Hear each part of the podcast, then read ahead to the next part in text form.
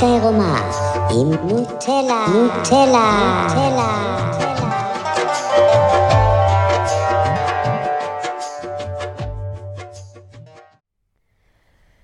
היום רציתי לדבר קצת על כעס.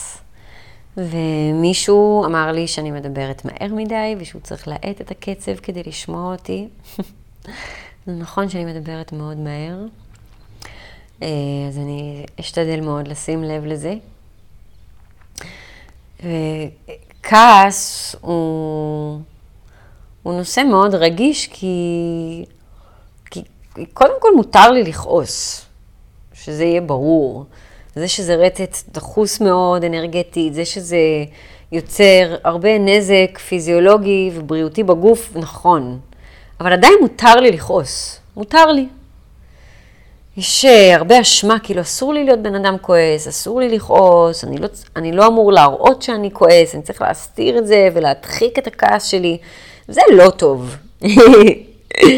אבל משום מה החברה מציירת איזשהו שיעור שכן, אנחנו מבינים שאתם לפעמים כועסים, עדיף להסתיר את זה, עדיף להדחיק את זה, לא להראות את זה, לא לדבר על זה, אף אחד לא מעניין אותו הכעס שלכם. בבית תכעסו לבד, אל תכעסו בחוץ. אל תכעסו בכלל אם אפשר, ופשוט תדחיקו את הכעס, עד שזה ייצור מחלה, ואז נמכור לכם למחלה הזאת תרופה.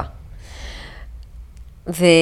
וכן, זה נכון שגם בחוץ אולי עדיף לא, לא, לא להראות יותר מדי את הכעס הזה, כי זה פשוט לא נעים לאנשים אחרים, אבל בהחלט מותר לי לכעוס, זה לגיטימי שאני כועס, וכדאי לי מאוד להוציא את התדר הזה ואת הרצת הזה של הכעס החוצה, כי אחרת אני אסבול.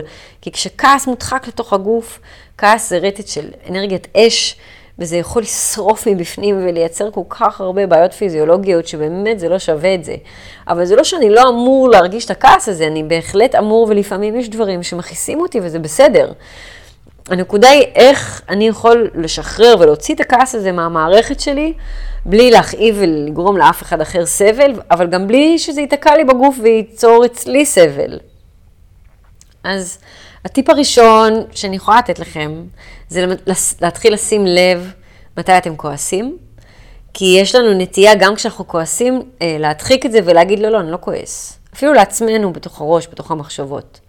אז קודם כל, להתחיל לשים לב איך הגוף מרגיש אחרת כשהוא כועס, הוא מכווץ, אני מזיע יותר, חם לי יותר, אין לי סבלנות, אני...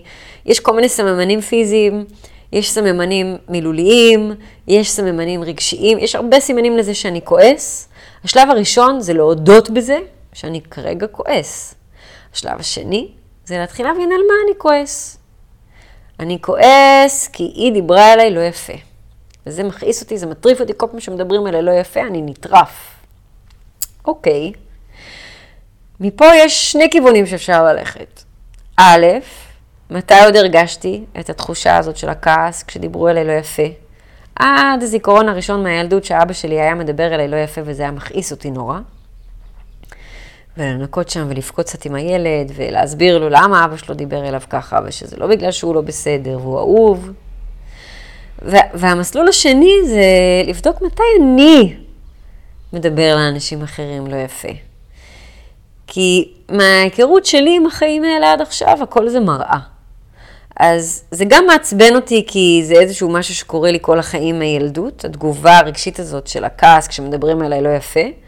וזה גם משהו שאם ההורים שלי דיברו עליי לא יפה, וזה יצר אצלי את הכעס הזה, גם אני למדתי מהם לדבר לא יפה, וגם זה שאני עושה את זה לאנשים אחרים יוצר אצלי ים של כעס.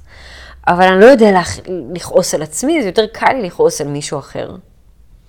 ובאיזשהו מקום אני מייצר סיטואציות שאנשים ידברו אליי לא יפה כדי שאני אוכל לכעוס עליהם, למרות שבפועל אני הכי כועס על עצמי. ו- וככה אני עובדת, או ככה אני מתנהלת עם העבודה הפנימית.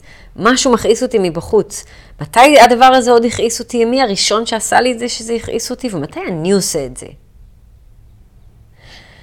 ואם אני מבין למה אני עושה את זה, כי ככה לימדו אותי ההורים שלי, כי לא ידעתי אחרת, כי ככה תכנתו אותי, אז פתאום, זאת אומרת, תכנתו אותי לדבר לאנשים לא יפה באיזשהו מקום, כי גם אליי דיברו לא יפה וככה אני יודע, תוך כדי שזה גם מכעיס אותי נורא, אני כאילו יוצר כעס אצלי כל הזמן, בזה שאני משחזר את הסיטואציות האלה, ואני גם יוצרת אותו רגש אצל אנשים אחרים, ככה אני יודע, זה מה שלימדו אותי.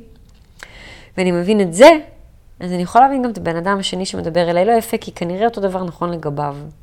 כנראה גם הוא גדל בבית כזה שהיו כועסים עליו הרבה, או שהיו מדברים אליו לא יפה, וככה הוא יודע להתנהג היום. הוא לא עושה לי את זה אישית, אלא הוא פשוט עושה את זה עם כולם, כי, גם, כי ככה הוא יודע לעשות, בדיוק כמו שאני יודע ככה לעשות. לאט לאט הדבר הזה פחות ופחות יכעיס אותי, ויהיה לזה פחות כוח עליי. וגם כשבן אדם פעם הבאה ידבר אליי לא יפה, אני ארגיש את הכאב שלו, אני אתבאס בשבילו שיש לו את הכאב הזה שגורם לו לדבר ככה, ואני אסלח לו כמו שאני סולח לעצמי ואני לא אתעצבן מזה. וזה אפילו יכול להביא ריפוי לבן אדם השני שמדבר לא יפה, שאתה עדיין אוהב אותו ואיתו, ואז פתאום אולי הוא קולט שהוא מדבר לא יפה ויתנצל, ואז אין צורך בכעס הזה. אבל כל עוד הוא קיים במערכת, אני חייב לתת לו מקום, אני חייב לתת לו לגיטימציה, אני חייב לתת לו ביטוי, ואחר כך באחריות שלי, לבדוק מה המקור של זה, איפה גם אני כזה, ולהביא לשם הרבה מחילה והרבה חמלה. ולזכור שכולנו עושים את הכי טוב שאנחנו יכולים, בהתאם לכלים שנתנו לנו כשהיינו קטנים, ואנחנו כולנו בסופו של דבר רוצים להרגיש אהובים, ולהרגיש שרואים אותנו ומקשיבים לנו, ושאכפת לאנשים מאיתנו. ואם אני נורא רוצה את זה, גם הבן אדם שמולי נורא רוצה את זה, וזה משהו שכדאי לזכור כשאני מתנהל בעולם. אז לא להרגיש אשמה או בושה לזה שאתם אנשים כועסים, רק לנסות להבין את המקור של זה, ומאיפה למדתי להיות כזה, ומאיפה למדתי לכעוס על הדברים מסוימים האלה, ואיפה אני מכעיס אנשים אחרים. ואני חושבת שמשם מגיעה הגאולה, ומשם מגיעה המחילה, ומשם מגיעה האהבה. לא מלהמשיך לכעוס על כל העולם ולהדחיק את זה ולשקר כאילו אני לא כועס, ואז, לא יודעת, לחטוף מחלות נוראיות. מרגיש לי פחות המסלול האופטימלי בחיים האלה, אבל מי אני? סתם בן אדם שחוקר את החיים דר, דרך עצמו ומשתף. אז כרגיל, קחו את מה שמדבר אליכם ואת מה שלא זרקו לזבל. זה כנראה שטויות במיץ עגבניות, ולא בשבילכם. אבל ככה אני לומדת לאט לאט להתנהל עם כל הכעסים שלי, ו... וזה עזר לי ממש בחיים. זהו, נשתמע בקרוב.